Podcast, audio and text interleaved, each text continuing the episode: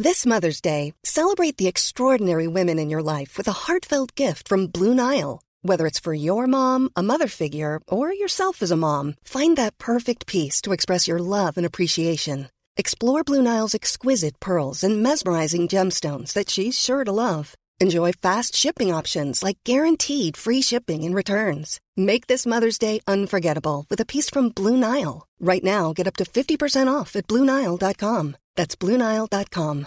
Quality sleep is essential. That's why the Sleep Number Smart Bed is designed for your ever evolving sleep needs. Need a bed that's firmer or softer on either side? Helps you sleep at a comfortable temperature? Sleep Number Smart Beds let you individualize your comfort so you sleep better together. JD Power ranks Sleep Number number 1 in customer satisfaction with mattresses purchased in-store. And now save 40% on the Sleep Number limited edition Smart Bed for a limited time. For JD Power 2023 award information, visit jdpower.com/awards. Only at Sleep Number stores or sleepnumber.com. Hey, I'm Ryan Reynolds. At Mint Mobile, we like to do the opposite of what Big Wireless does. They charge you a lot, we charge you a little. So naturally, when they announced they'd be raising their prices due to inflation, we decided to deflate our prices due to not hating you. That's right. We're cutting the price of Mint Unlimited from $30 a month to just $15 a month. Give it a try at mintmobile.com slash switch. $45 upfront for three months plus taxes and fees. Promo rate for new customers for limited time. Unlimited more than 40 gigabytes per month. Slows. Full terms at mintmobile.com. Palmemordet Ivan von Berchan del 1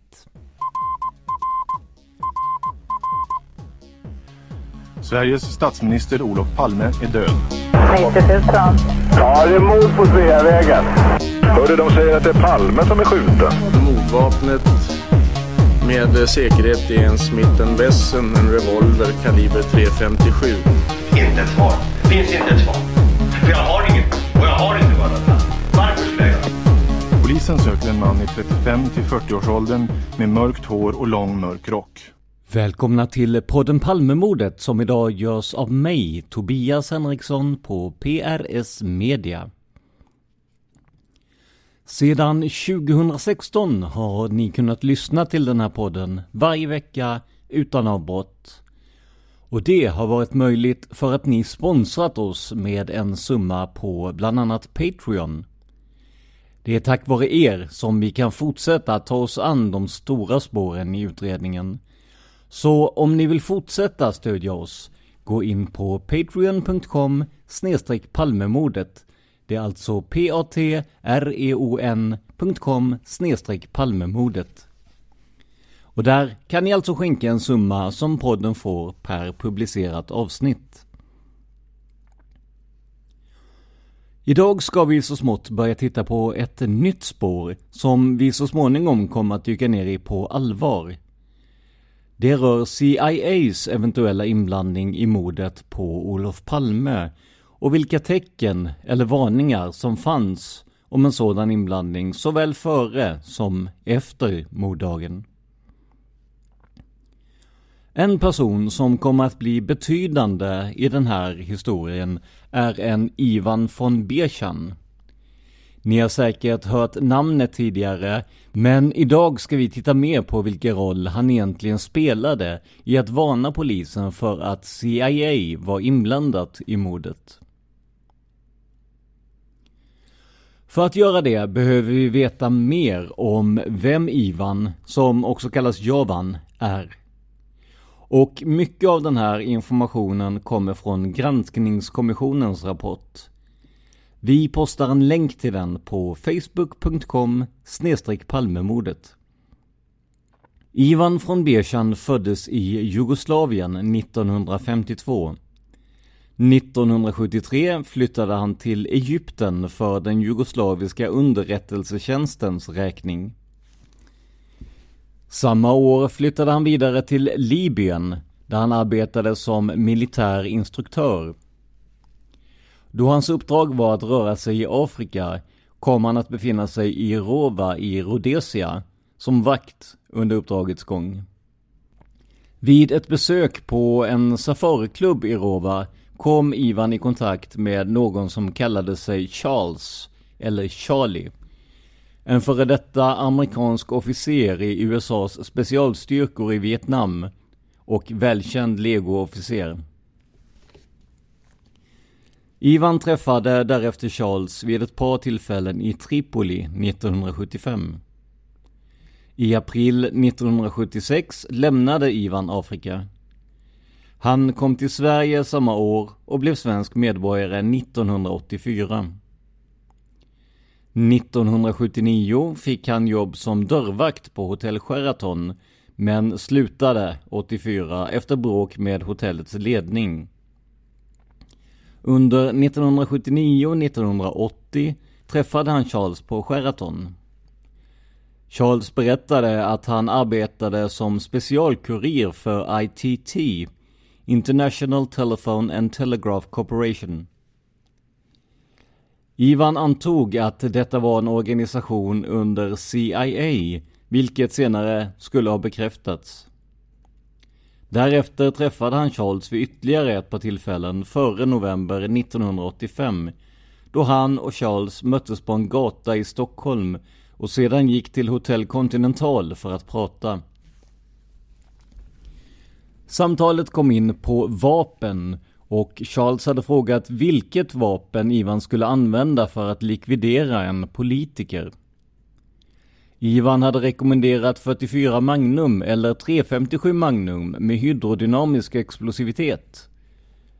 Därefter hade Charles erbjudit Ivan 2 miljoner dollar för att mörda Olof Palme. Orsaken till att Olof Palme skulle mördas var att Sinderian, en hemlig organisation i USA med medlemmar som Kissinger och Weinberger, inte ville riskera att Olof Palme valdes till generalsekreterare i FN. Charles hade också sagt att den franske presidenten Mitterrand och ledaren för Italiens kommunistiska parti skulle mördas. Under januari 1986 träffade Ivan von Beersan återigen Charles i Stockholm. De gick till restaurang Hamlet för att prata och Charles erbjöd åter Ivan 2 miljoner dollar för att mörda Olof Palme. Charles hade vid detta tillfälle visat ett gult kuvert i C4-format. Kuvertet hade haft brutna laxsigill och utanpå fanns dels en örn, dels Top Secret stämplat. Kuvertet innehöll en dossier om Olof Palme med bland annat medicinska tester och en karta över Stockholm med olika punkter såsom Rosenbad, Gamla stan och Sheraton utmärkta. Charles uppgav att USA ville få bort Olof Palme som fredsmäklare mellan Iran och Irak eftersom USA tjänade stora pengar på detta krig. Vid tillfället tillfrågades också Ivan om han kände Aron J, en israelisk fallskärmsjägare som arbetade för den israeliska säkerhetstjänsten. Efter detta sammanträffande kontaktade Ivan bland annat Alf Karlsson, Säkerhetspolisen KG Olsson, Stockholmspolisens narkotikaavdelning, socialborgarrådet Inger Bovner samt ett par journalister på tidningen Gnistan. För samtliga berättade han om mordplanerna på Olof Palme. Så långt från Berchans egna berättelse. Men som vi ska se senare kom det att uppstå tvivel om en del av äktheten i hans påståenden. Men som sagt, mer om det senare. Strax efter mordet på Olof Palme kontaktade journalisten Karl K Palmeutredningen.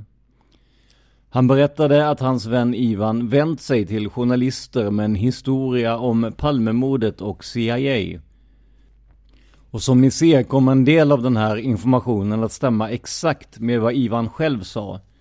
Men vi tar med den ändå, för det är viktigt att se vilka uppgifter som är de samma och vilka som inte är det i de olika versionerna. Hur som helst så hade Ivan berättat att han kände en amerikansk kille i 40-årsåldern, Charlie, som varit Vietnamveteran och legoknekt i Rhodesia. I november 1985 hade Ivan träffat Charlie då denna bodde på hotell Sheraton i Stockholm, där Ivan tidigare arbetat. Charlie hade arbetat som budbärare för en organisation kallad ITT som hade med CIA att göra. Vid detta tillfälle hade Charlie tillfrågat Ivan om denne ville ha ett jobb att mörda Olof Palme. Ivan hade trott att det var sagt på skoj och tackat nej. Charlie hade då berättat att han blivit kontaktad av någon för att likvidera Olof Palme. När Charlie hade sagt nej hade personen nämnt något om att kontakta någon annan, eventuellt en fallskärmsjägare från Israel.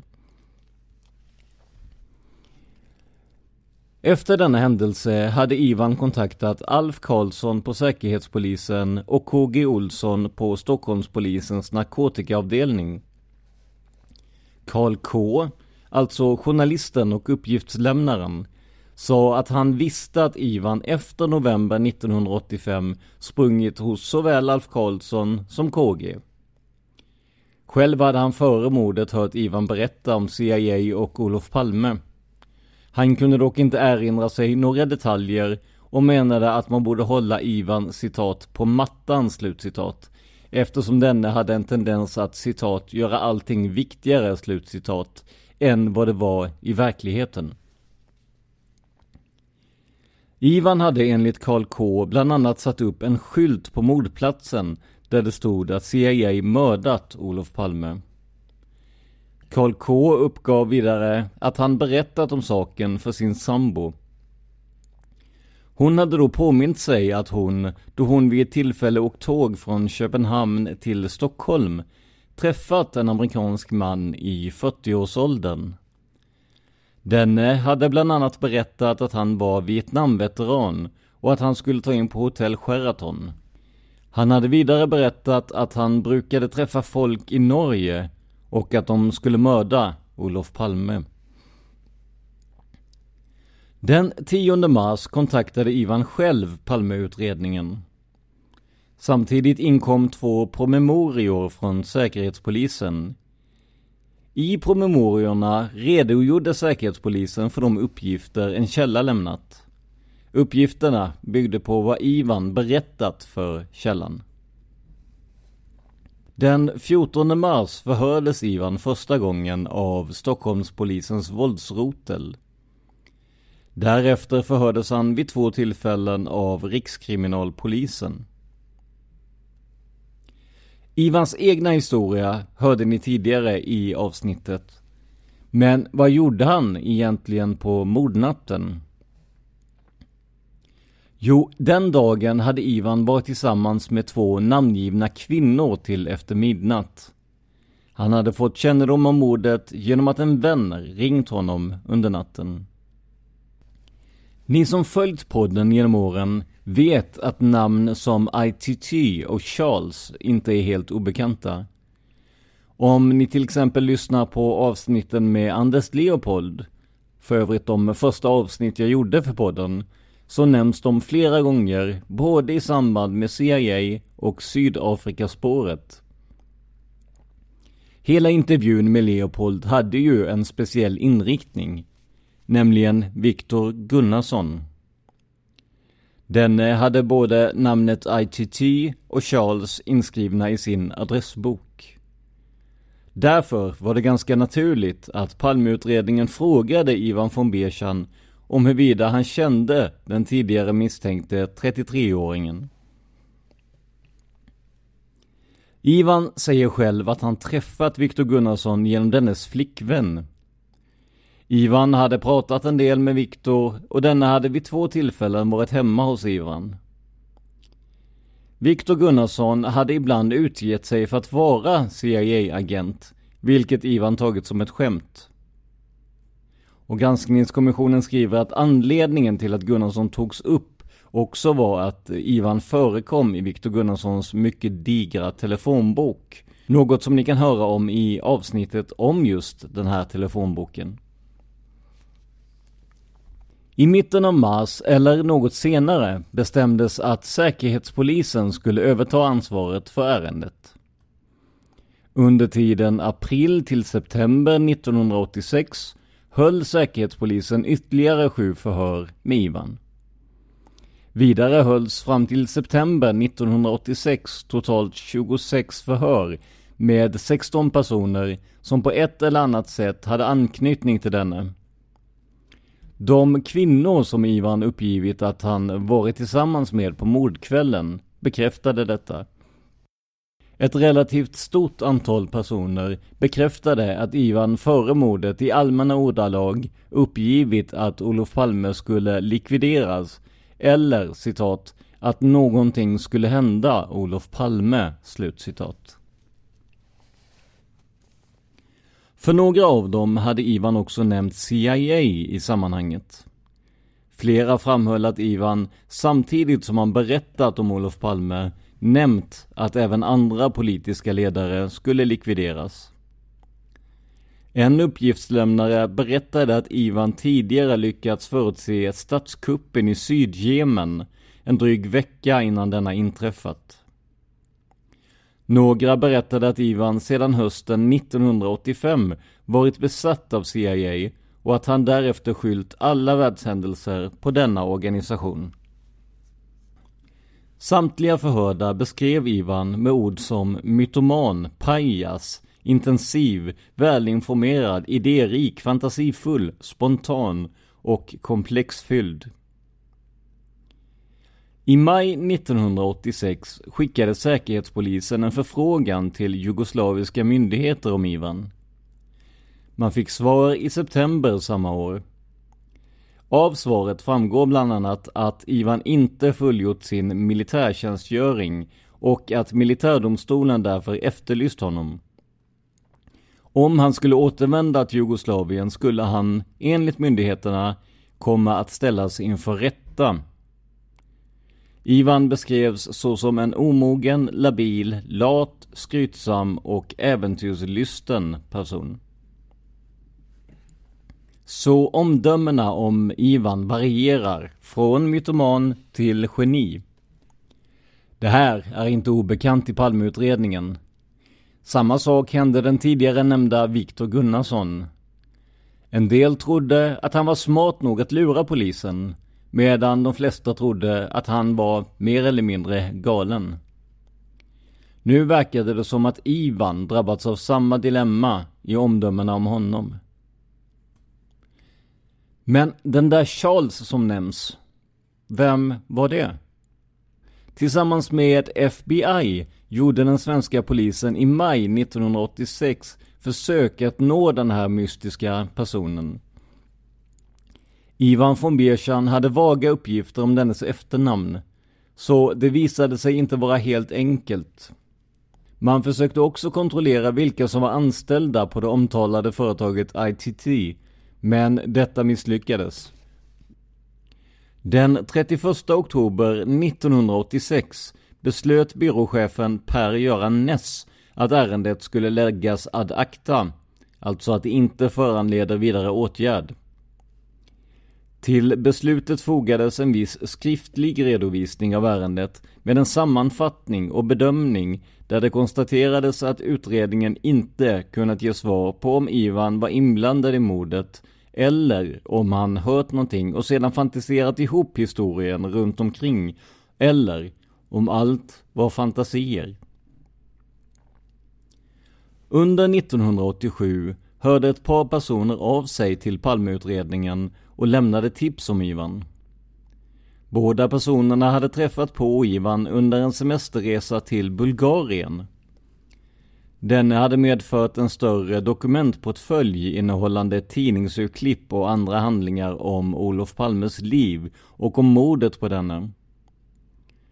En av personerna berättade att Ivan utgett sig för att vara journalist vid TT i Stockholm. Uppgiftslämnaren hade under semestervistelsen också träffat på ett ungt par. Dessa hade berättat att Ivan suttit bredvid dem på flygplanet ner till Bulgarien. Ivan hade pratat oavbrutet under hela flygresan så att det unga paret inte får tillfälle att förlova sig i luften som de planerat. Kommer ni ihåg journalisten och uppgiftslämnaren Karl K? I januari 1988 förhördes hans sambo. Hon berättade att hon i november 1984 under en tågresa mellan Helsingborg och Stockholm mött en amerikansk man som berättat för henne att han tillhörde en liten grupp av personer från Tyskland, Danmark och Norge. Gruppen planerade att mörda Olof Palme. Mannen som var fanatiker hade sagt att han tidigare varit legosoldat i Vietnam och Centralamerika. I september 1988 lyckades Palmeutredningen med hjälp av FBI få fram personuppgifter på en amerikansk medborgare, Charles E. Det här är ett annat namn än den osäkra uppgift som Ivan lämnat, noterar granskningskommissionen. Charles E hade varit gäst på Hotell Sheraton under november 1985. I en promemoria daterad i september 1989 angående Charles E uppges att denne enligt egen uppgift vistats på Hotell Sheraton tillsammans med två affärsbekanta. Syftet med resan till Sverige hade varit att starta ett försäljningsbolag i samarbete med ASEA. Namnet Charles Morgan, det namn Ivan uppgett, kände Charles E inte till. Charles E hade varit officer vid amerikanska flottan under 1953 till 1957. I juni 1989 kom ett nytt tips i ärendet in till Palmeutredningen. Uppgiftslämnaren hade på en restaurang i Stockholm träffat en man som sagt att Christer Pettersson var oskyldig till Palmemordet. Mannen, som enligt egen uppgift varit helikopterförare i Libyen, hade berättat att han blivit tillfrågad om han ville utföra mordet och att han försökt varna säkerhetspolisen, men där blivit klassad som mytoman och säkerhetsrisk. Mannen hade överlämnat ett visitkort med Ivans fullständiga namn. I september 1991 tog Palmeutredningen kontakt med Alf Karlsson vid Säkerhetspolisen. Alf Karlsson berättade att Ivan under 1985 vid flera tillfällen tagit telefonkontakt med honom. Ivan hade i allmänna ordalag berättat om internationell underrättelseverksamhet, främst i Israel, inom CIA och inom KGB. Informationen hade mest varit svammel och efterhand kom Alf Karlsson Mother's Day is around the corner. Find the perfect gift for the mom in your life with a stunning piece of jewelry from Blue Nile. From timeless pearls to dazzling gemstones, Blue Nile has something she'll adore. Need it fast? Most items can ship overnight. Plus, enjoy guaranteed free shipping and returns. Don't miss our special Mother's Day deals. Save big on the season's most beautiful trends. For a limited time, get up to 50% off by going to Bluenile.com. That's Bluenile.com. Even on a budget, quality is non negotiable. That's why Quince is the place to score high end essentials at 50 to 80% less than similar brands. Get your hands on buttery soft cashmere sweaters from just 60 bucks, Italian leather jackets, and so much more. And the best part about Quince, they exclusively partner with factories committed to safe, ethical, and responsible manufacturing. Elevate your style without the elevated price tag with Quince. Go to quince.com slash upgrade for free shipping and 365-day returns. If you're looking for plump lips that last, you need to know about Juvederm lip fillers. With Juvederm Volbella XC and Juvederm Ultra XC, your lip look, whether it's subtle or bold, can last up to one full year with optimal treatment and no additional maintenance. Find a licensed specialist and see if it's right for you at juvederm.com today. That's J U V E D E R M.com. Add fullness to lips in adults over 21 with Juvederm Volbella XC or Juvederm Ultra XC. Do not use if you have severe allergies or a history of severe allergic reactions, or if you're you're allergic to lidocaine or the proteins used in Juvederm. Tell your doctor if you have a history of scarring or taking medicines that decrease the body's immune response or that can prolong bleeding. Common side effects include injection site redness, swelling, pain, tenderness, firmness, lumps, bumps, bruising, discoloration, or itching. As with all fillers, there's a rare risk of unintentional injection into a blood vessel, which can cause vision abnormalities, blindness, stroke, temporary scabs, or scarring. For full important safety information, visit juvederm.com. Från att uppfatta Ivan som en mytoman som ville ikläda sig en roll som betydelsefull informatör. Inte vid något tillfälle hade Ivan nämnt att Olof Palme skulle vara hotad till livet. Alf K hänvisade till en promemoria han upprättat i april 1986. Vid denna tid hade Säkerhetspolisen också talat med KG Olsson vid Stockholmspolisens narkotikaavdelning. Av en promemoria daterad i mitten av april 1986 framgår att denne haft kontakter i tjänsten med Ivan som lämnat tips om olika brott allt sedan 1983.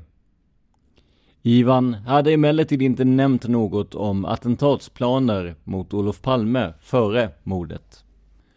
Håll detta i minnet, för det kommer vi att återkomma till.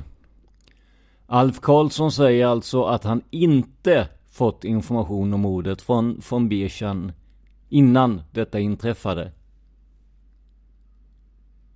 Under vårvintern 1992 gick Palmeutredningen på nytt igenom hela ärendet.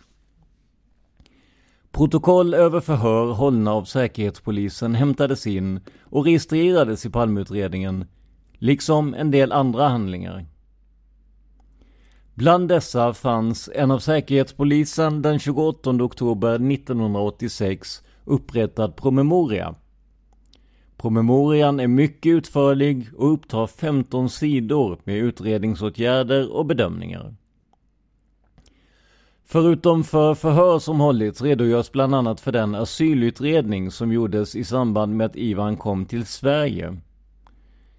I asylutredningen gjordes bedömningen att de uppgifter Ivan lämnat om att han inte kunde återvända till Jugoslavien på grund av att myndigheterna hade avslöjat att han var inblandad i brott mot staten saknade tilltro. Men han fick ändå av humanitära skäl stanna i Sverige. Också den visumansökan som Ivan gjorde till Libyen 1986 berörs. Ivan erbjöd sig i ansökan att som frivillig försvara Libyen som pilot och uppgav sig ha 6800 flygtimmar i MIG-plan. Enligt en av Säkerhetspolisen tillfrågad major vid FST SÄK tar det över 15 år att förvärva en sådan erfarenhet. Och Säkerhetspolisen konstaterar därför i promemorian att Ivan, som kom till Sverige vid 24 års ålder, under denna förutsättning måste ha börjat flyga MIG-plan vid 9 års ålder. Av promemorian framgår också att Ivan i maj 1986 varit föremål för husrannsakan. Under genomgången 1992 hölls ett antal nya förhör med personer som förhörts tidigare under utredningen. Bland annat förhördes Ivan själv. Denne lämnade en del nya uppgifter om att Säkerhetspolisen och P2-logen i Rom skulle vara inblandade i mordet. Vid övriga förhör framkom inga nya uppgifter. Över genomgången finns en sammanfattning upprättad.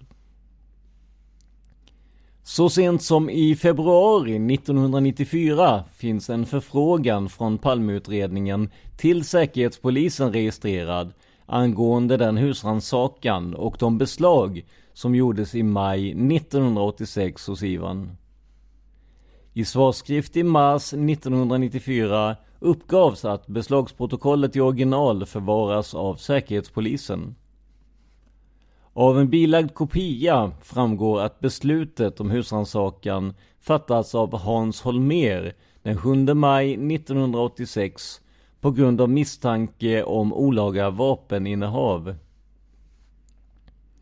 Vid husrannsakan beslagtogs, förutom ett harpungevär, även kalendrar, visitkortsalbum och adressböcker innehållande 700 namn.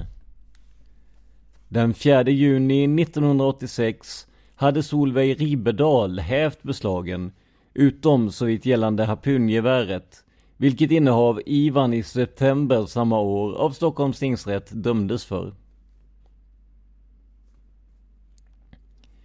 Kommissionen har sammanträffat med en av de utredningsmän som arbetade mycket med uppslaget angående Ivan, kriminalinspektören Roland S. Ivan är enligt Roland S en intressant personlighet. Ivan hade redan tidigare fungerat som informatör åt både Säkerhetspolisen och Stockholmspolisen.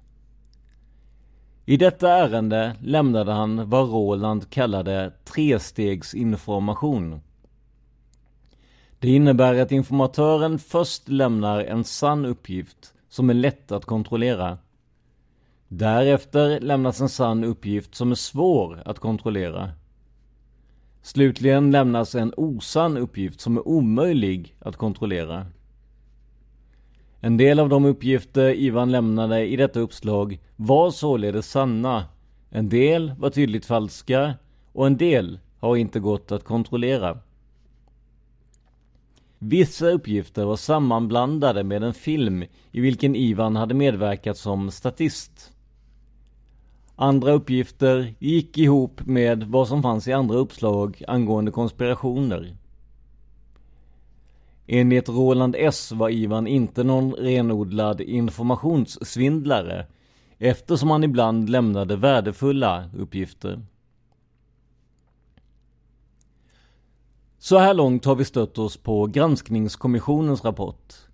Men i sann journalistisk anda kan vi såklart inte bara lita på en enda källa. Av den anledningen kollade jag med flera olika tidningar, böcker och liknande. Plus att jag ringde upp personen i fråga. Vi hoppas kunna återkomma med en intervju med Ivan von Bierchan framöver där han får berätta sin version av vad som hände. Men i korthet kan vi säga att han bekräftar att han hört av sig till Säpo innan mordet. Då han fått erbjudandet om att mörda Palme för två miljoner dollar från Charles Morgan. Han förnekar att han skulle vara en informationssvindlare och menar att han hörde av sig till Alf Karlsson på Säpo plus en annan polis, alltså KG Olsson, i ett ärligt uppsåt att tipsa polisen om ett möjligt attentat. En av anledningarna skulle vara att USA inte ville se Palme som generalsekreterare för FN. En roll som det spekulerades i att han skulle få efter sin tid som statsminister. Vi ska gå in mer på motivbild och annat i kommande avsnitt. Men nu är frågan vem man ska lita på. Hörde Ivan av sig till Säpo innan mordet? Eller är det en efterhandskonstruktion för att verka handlingskraftig efter att det hemska hade skett? Att få kläm på det här har hittills varit svårt, för att inte säga omöjligt. Inte ens bröderna Putiainen nämner speciellt mycket om det i sin bok Inuti labyrinten. I Thomas Breskys och Lars Borgnäs dokumentärer, speciellt Norra Magasinet från 1999, intervjuas von Birchan utförligt. Hans utsaga där stämmer mycket väl överens med det han tidigare sagt och det han sa till mig i telefonsamtalet. Men som granskningskommissionen konstaterade Vissa saker har han ju överdrivit, eller rent av ljugit om. Så vad ska man tro? Vem har rätt och vem har fel? Enligt egen uppgift kontaktade von Birchan Alf Karlsson på Säpo den 7 januari 1986 för att förvarna om vad han hade fått höra från Charles Morgan. Därefter ringde han ytterligare tre gånger, utan resultat. Von Birchan kontaktade då socialborgarrådet Inger Bovner med samma uppgifter. Jag ringde upp Inger för att höra hennes version av detta. Men hon sa att hon lagt detta bakom sig och inte på något sätt ville kommentera det. Då jag frågade henne om hon i alla fall kunde bekräfta att Ivan von Beerchan hörde av sig innan mordet ville hon inte gå in på det heller. Alltså är det ytterligare en källa som hade kunnat ge klarhet i ämnet som inte vill besvara våra frågor. Men i Norra Magasinet från 1999 bekräftar Bovner att hennes sekreterare tagit emot ett tips med samma innehåll. När Bovner fick reda på detta bad hon från Birchand att istället kontakta polisen. Och där nådde han ju ingen större framgång. Även KG Olsson, polismannen som Birchand hade kontakt med genom ett tidigare jobb, fick information om attentatet en vecka innan den ödesdigra dagen. Detta har han bekräftat till Palmeutredningen. Han skrev ner det och gav PM till, just det, Alf Karlsson på Säpo. Som ni hört nekar ju Alf Karlsson till att ha pratat med von Birchan innan mordet. Men om uppgifterna är riktiga så är det såklart anmärkningsvärt att polisen inte agerade. Palmeutredningen valde att tro fullt och fast på Karlsson. Det bekräftade bland annat dåvarande spaningsledaren Hans Ölvebro till Norra Magasinet. Men von Bechans uppgifter har en dimension till. I november 1986 såg von Beersan ett inslag i Aktuellt om högergrillan Contras som tränades i Costa Rica av amerikanska instruktörer. En av dem som syns i filmen sa von Beersan vara väldigt lik den Charles Morgan som erbjudit honom pengar för att likvidera Palme. Beersan meddelade detta till Palmeutredningen men de la ingen vikt vid uppslaget. De visade inte ens inslaget för Birchan i samband med förhör eller liknande. Oavsett vad man lägger för värderingar i Ivan von Birchans uppgifter så är det såklart anmärkningsvärt att man inte tog uppgifterna på allvar. Om de nu kom innan mordet. Om de kom efter mordet är det ännu mer märkligt att man inte tittade mer noggrant på dem för att se om det faktiskt låg någonting i dem. Som ni hörde i utdraget från granskningskommissionen så går två av våra spår ihop i det här avsnittet. För personer som vi pratat om på sistone nämner ju både Charles Morgan och CIA i samband med mordet. Och de här två personerna visade sig dessutom känna varandra. Jag pratar förstås om Ivan von Beerchan och Viktor Gunnarsson. I mitt samtal med Beerchan bekräftade denne att han kände Gunnarsson genom Viktors flickvän.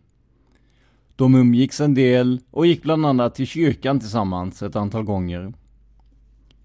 Beerchan upplevde Gunnarsson som en mycket märklig person och kallade honom schizofren ett omdöme som såklart är hans eget och ingen diagnos på Gunnarsson. Viktor pratade ofta svenska med amerikansk brytning för att göra sig spännande. Och han hade en fäbless för fina kläder. Beerchan pikade ofta Gunnarsson för hans extravaganta leverne. Men de två kom ändå bra överens. Von Beerchan fanns som sagt i Gunnarssons adressbok och var en av de personer som han faktiskt tycks ha haft en närmare relation till. Om von Beerchan pratade om sin militära erfarenhet, om CIA och Charles Morgan, är det kanske inte orimligt att Gunnarsson, som ju ibland kunde uppfattas som lite lättledd, hängde på detta och ville vara en del i en stor internationell rörelse. Det som dock förbryllar är att så många av de resor som Gunnarsson gjorde runt jorden gick till ställen där det låg amerikanska baser. kan det trots allt ha funnits en koppling mellan Gunnarsson och CIA.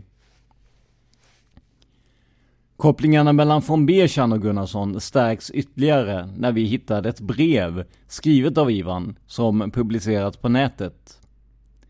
Vi har inte kunnat kontrollera sajten där det här brevet ligger så noga som vi velat, så det kan vara bra att ta informationen med en nypa salt.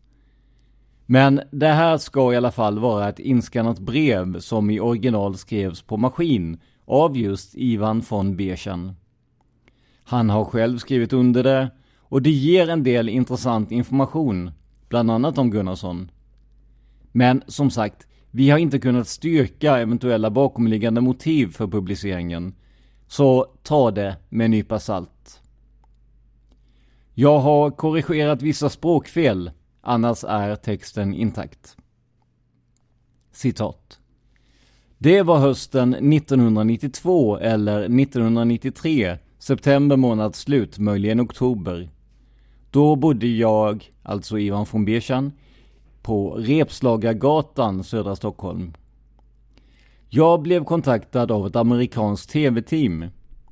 Samma tv-team var skickat till mig från Viktor Åke Gunnarsson, den så kallade 33-åringen. Först kom en stilig dam till min dörr då jag var hemma. Jag bjöd in henne i min lägenhet. Hon presenterade sig och frågade om jag ville medverka i en intervju. Samma tv-företag vet att jag aldrig tagit betalt när massmedia intervjuat mig. De var intresserade av att veta om det som Viktor Åke Gunnarsson presenterat till dem stämmer. Nästa dag kom tv-teamen till mig och filmade mig och jag svarade på frågor. Jag pratade om CIA-aktivisten Charles Morgan. TV-teamet berättade för mig att hela världen vet att mordet på statsminister Olof Palme var arrangerat av svensk polis. Min adress har de fått av Viktor Åke Gunnarsson och han sa sig veta vilken svensk polis som dödat Olof Palme. Från det amerikanska tv-bolaget har Viktor fått 300 000 amerikanska dollar deponerat i en bank i USA. I Viktor Gunnarssons testamente stod det att om något händer honom ska en äldre kvinna som är revisor i en kylskåpsfabrik i North Carolina få pengarna. Viktor har en relation med hennes dotter som är lärarinna. Jag blev tillfrågad om polisman A samt en polis som heter Kommentar. Här har vi valt att utelämna namnet på polisen av integritetsskäl. Viktor Gunnarsson pekade ut den senare polisen som Olof Palmes mördare. Idag förstår jag, alltså Ivan von Bechan, att Viktor Gunnarsson ville ha 300 000 amerikanska dollar från det amerikanska tv-bolaget och senare kräva 50 miljoner kronor från svenska staten i form av hittelön som annonserades ut runt hela världen om någon vet vem som dödade Olof Palme. Slut citat. Ivan fortsätter sedan brevet med att ironisera över jakten på mördaren och pekar också ut en polisman som mördare. Eller i alla fall en som vet vad som hände kring mordet. Vi har som sagt valt att inte återge dennes namn eller kännetecken av integritetsskäl. Om uppgifterna om de 300 000 dollarna stämmer hjälper det till att förklara hur Gunnarsson i alla fall delvis kunde försörja sig i USA. För som vi konstaterade i avsnitten om honom var hans deklarerade inkomster små, men hans livsföring desto rikare. Men nu är det ju inte Gunnarsson vi ska inrikta oss på i de här avsnitten, utan CIA och Ivan von Bechan. Och vi ska göra vårt yttersta för att gå till botten med det här spåret Precis som vi försökt göra med de andra stora spåren. Och som sagt, förhoppningsvis kommer ni också att få höra Ivan von Bechans egna ord om vad som egentligen hände kring mordet. Men för att vi ska kunna ta oss an de här stora spåren så behöver vi såklart finansiering. De flesta kronor och ören som kommer in kommer just från er trogna lyssnare som sponsrar oss på patreon.com palmemordet. Om du också väljer att göra detta så kan du välja en summa som podden får per publicerat avsnitt. Gör vi inga avsnitt så dras inga pengar. Och skulle det vara så att ni tycker att Patreon är krångligt och behöver hjälp att komma igång, kontakta oss på facebook.com palmemordet så ska vi försöka hjälpa till. På vår Facebook-sida kan du också gå in och kommentera dagens avsnitt. Vad tror ni om Ivan von Bierchan? Vems uppgifter stämmer? När fick Alf Karlsson på Säpo reda på planerna? Häng med i diskussionen på facebook.com palmemordet. Det här avsnittet gjordes av mig, Tobias Henriksson, på PRS Media.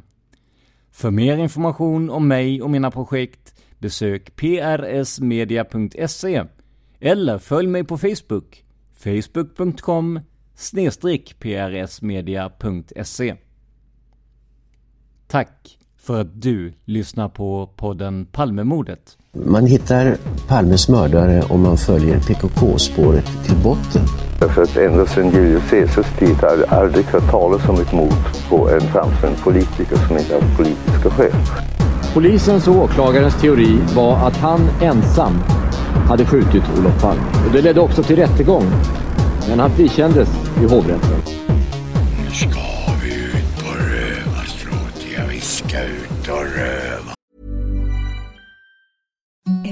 The softest sheets you've ever felt. Now imagine them getting even softer over time. That's what you'll feel with Bowl and Branch's organic cotton sheets. In a recent customer survey, 96% replied that Bowl and Branch sheets get softer with every wash. Start getting your best night's sleep in these sheets that get softer and softer for years to come. Try their sheets with a 30-night guarantee. Plus, get 15% off your first order at bowlandbranch.com. Code BUTTERY. Exclusions apply. See site for details. Want flexibility? Take yoga. Want flexibility with your health insurance? Check out United Healthcare Insurance Plans. Underwritten by Golden Rule Insurance Company, they offer flexible, budget friendly medical, dental, and vision coverage that may be right for you. More at uh1.com. Even when we're on a budget, we still deserve nice things. Quince is a place to scoop up stunning high end goods for 50 to 80% less than similar brands. They have buttery soft cashmere sweaters starting at $50 luxurious Italian leather bags, and so much more. Plus, Quince only works with factories that use safe, ethical, and responsible manufacturing. Get the high-end goods you'll love without the high price tag with Quince. Go to quince.com/style for free shipping and 365-day returns.